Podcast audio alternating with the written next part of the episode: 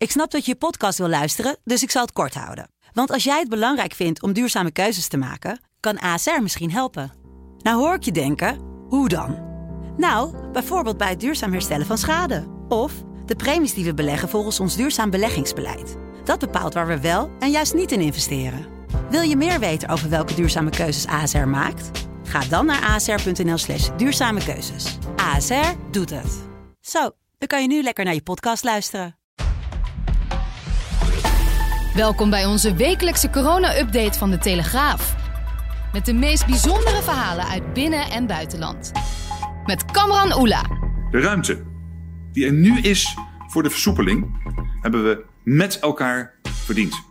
En met elkaar kunnen we ervoor zorgen dat we die ruimte ook behouden. Goeiedag, woensdagavond 6 mei 2020. Dit is de wekelijkse corona-update. En deze week zonder collega Pim CD, die na een drukke periode een paar dagen vrij is. In de podcast natuurlijk de nieuwe maatregelen, een uh, update over het vaccin en een vooruitblik op de zomervakanties. Maar eerst de cijfers.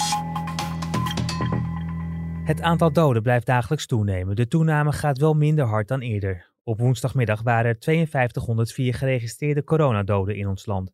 Vermoedelijk ligt het aantal hoger omdat lang niet iedereen getest wordt. 41.319 werden wel al positief getest. Wereldwijd ligt het aantal inmiddels boven de 3,6 miljoen. Het aantal bevestigde coronadoden ligt al boven de 250.000. Dan het aantal patiënten op de intensive care afdelingen van ziekenhuizen. Dat is de laatste week weer flink afgenomen tot ver onder de cruciale 700-grens. De druk op de ziekenhuizen is dus aanzienlijk lager en dus is het moment daar dat het kabinet maatregelen kan gaan versoepelen. En dit is wat premier Rutte erover zei tijdens de persconferentie. Zeker in de ziekenhuizen ontwikkelen de cijfers zich nu al een paar weken in gunstige richting. De eerste uitbraakfase van het virus ligt daarmee achter ons. Met vooral grote dank aan al die mensen in de zorg die in deze fase zoveel voor de kiezer hebben gekregen en tot op de dag van vandaag nog steeds krijgen. We kunnen Nederland alleen van het slot halen als iedereen zich verstandig blijft gedragen en zich aan de gedragsregels blijft houden. Ik kan dat niet genoeg benadrukken. Naast de maatregelen op korte termijn werd ook een spoorboekje tot 1 september gepresenteerd. Per 1 juli mogen ook de terrassen weer open onder twee voorwaarden. Iedereen zit aan een tafeltje en mensen houden anderhalve meter afstand van elkaar. Restaurants, cafés, bioscoopzalen, concertzalen en theaters mogen vanaf 1 juni binnen maximaal 30 mensen ontvangen. Inclusief personeel en ook onder voorwaarden. Gasten moeten reserveren. Uiteraard geldt de anderhalve meter afstand. En vervolgens vindt ook hier aan de voorkant een controlegesprek plaats om in te kunnen schatten of er risico's zijn. Musea mogen per 1 juni ook weer open, mits bezoekers vooraf kaartjes kopen, zodat musea kunnen sturen op anderhalve meter afstand. En per 1 juli mogen ook de gemeenschappelijke wc's en douches op de campings en vakantieparken weer open. En als alles dan nog steeds goed gaat, gaat de deur per 1 september ook van het slot voor sportscholen, sauna's, sportkantines, coffeeshops, casino's en sekswerkers. En voor de contactsporten en de binnensport. En natuurlijk geldt dat we voorlopig allemaal zoveel mogelijk thuiswerken. Daarnaast moeten we serieus kijken naar werktijden en openingstijden. En ook voor de langere termijn is het belangrijk dat niet iedereen tegelijk de weg opgaat of de trein pakt. Versoepelde maatregelen dus. Er wordt vooruitgekeken, maar pas als er een vaccin is, dan kunnen we mogelijk echt weer anders gaan leven. Vorige week hadden we het er uitgebreid over met onze verslaggever Silvan Schoonhoven. Hij praat ons nu ook weer voorbij. Op het ene moment uh, hoor je uh, een Britse firma uit Oxford roepen van nou in september hebben wij een miljoen doses klaar liggen op de plank. En de volgende moment hoor je weer een deskundige zeggen van nou ja, het kan, het kan wel vijf jaar duren, of het kan wel tien jaar duren, of het kan zelfs wel vijftien jaar duren. Nou, lezers willen weten van waar moeten we nou rekening mee houden? Waar zijn we aan toe? Is het nou september of is het nou 2030? Dat is nogal een verschil. Vaccinfabrikanten proberen het allemaal om dat, om dat enorm lange tijdpad nodig is om een vaccin te ontwikkelen, om dat in elkaar te drukken. Dus je begint in feite al met stap 10 op het moment dat je nog aan stap 1 moet, moet beginnen. Nou, op die manier is grote tijdwinst te boeken. Het risico dat het vaccin het uiteindelijk niet haalt, uh, is dan groter. Maar er staat tegenover dat er wel inmiddels zo'n 100 kandidaatvaccins zijn waaraan gewerkt wordt. Dus op het moment dat er 95 afvallen, heb je er nog steeds 5 die op een gegeven moment wel de eindstreep eh, halen. En de fabrikanten die, die bieden een beetje tegen elkaar op in hoe snel ze het voor elkaar kunnen krijgen. Want dat heeft alles met financiering te maken. Dat zie je ook in de Verenigde Staten. Dat uh, nou, bij ronde tafelconferenties over financiering is altijd echt de vraag van oké, wanneer? Wanneer is het klaar? Wanneer is het klaar? Wanneer kun je leven? Kijk, en dan wordt de fabrikant die wordt ook gedwongen om dan eigenlijk een tijdpad te schetsen wat het meest optimistisch is. Eh, ze weten, op, ze weten nog niet eens of het vaccin gaat werken.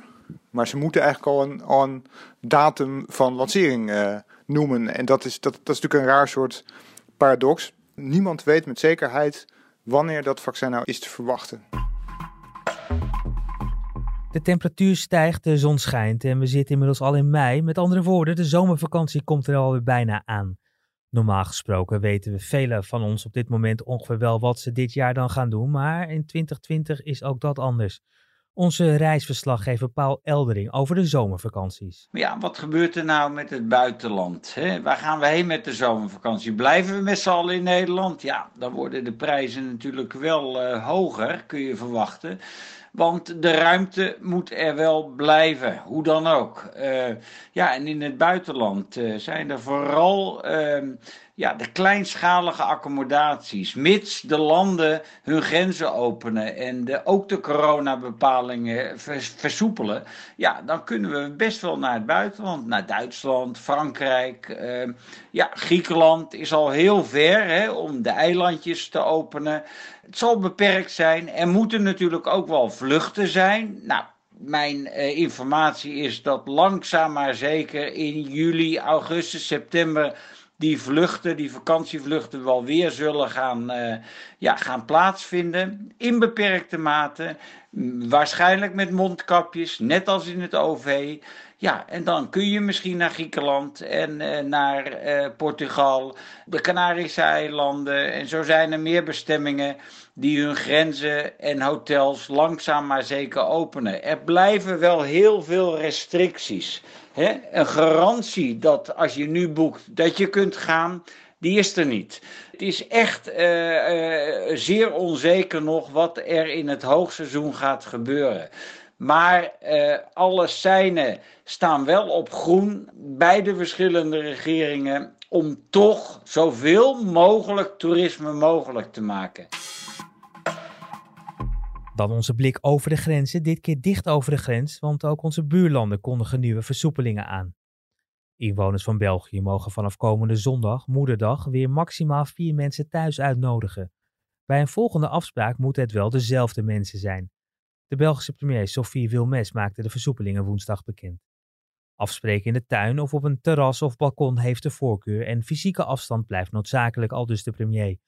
Alle winkels mogen maandag hun deuren openen, zoals al eerder aangekondigd, met strikte inachtneming van strenge regels.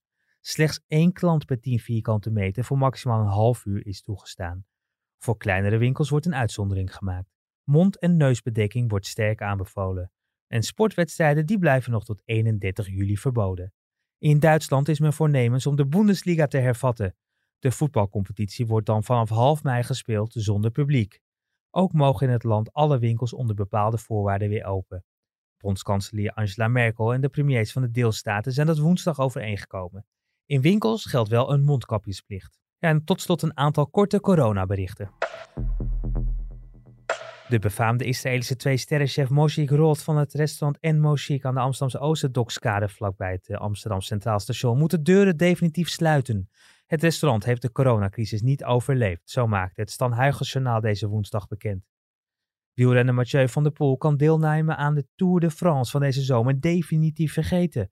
De teamleiding van Alpecin Phoenix, de ploeg van de Nederlandse wielrenner, hoopte alsnog een wildcard voor een van de grote wielerronden te kunnen bemachtigen en het liefst dus voor de Tour de France. Maar de Tour laat dit jaar geen extra ploegen toe. Restaurantketen Wendy's dan, die heeft in de Verenigde Staten noodgedwongen in een aantal plaatsen hamburgers van zijn menu geschrapt. Ze hebben te maken met een tekort aan vlees. Veel slachthuizen en vleesverwerkers zijn namelijk gesloten. En door de coronacrisis was bevrijdingsdag dit jaar totaal anders. Aan een van de initiatieven om eh, Ramses Shaffi ten gehoor te brengen werd massaal gehoor gegeven. Zing, vecht, huil, wit, lach, en beroep. Zing, vecht, huil, wit, lach, werk en beroep. Zing, vecht, huil, wit, lach, werk. En dit was de Telegraaf Corona-update van woensdag 6 mei. Alle onderwerpen deze podcast zijn uitgebreid te lezen en te zien op de site en in de apps van De Telegraaf. En natuurlijk ook in onze krant. Hou vol, blijf gezond en wat ons betreft tot volgende week. Dan weer een nieuwe aflevering van de Corona-update. Interesse in meer podcasts? Luister dan naar In het Land van Wiert Duk, waarin de Telegraafverslaggever wekelijks het nieuws analyseert dat hem bezighoudt.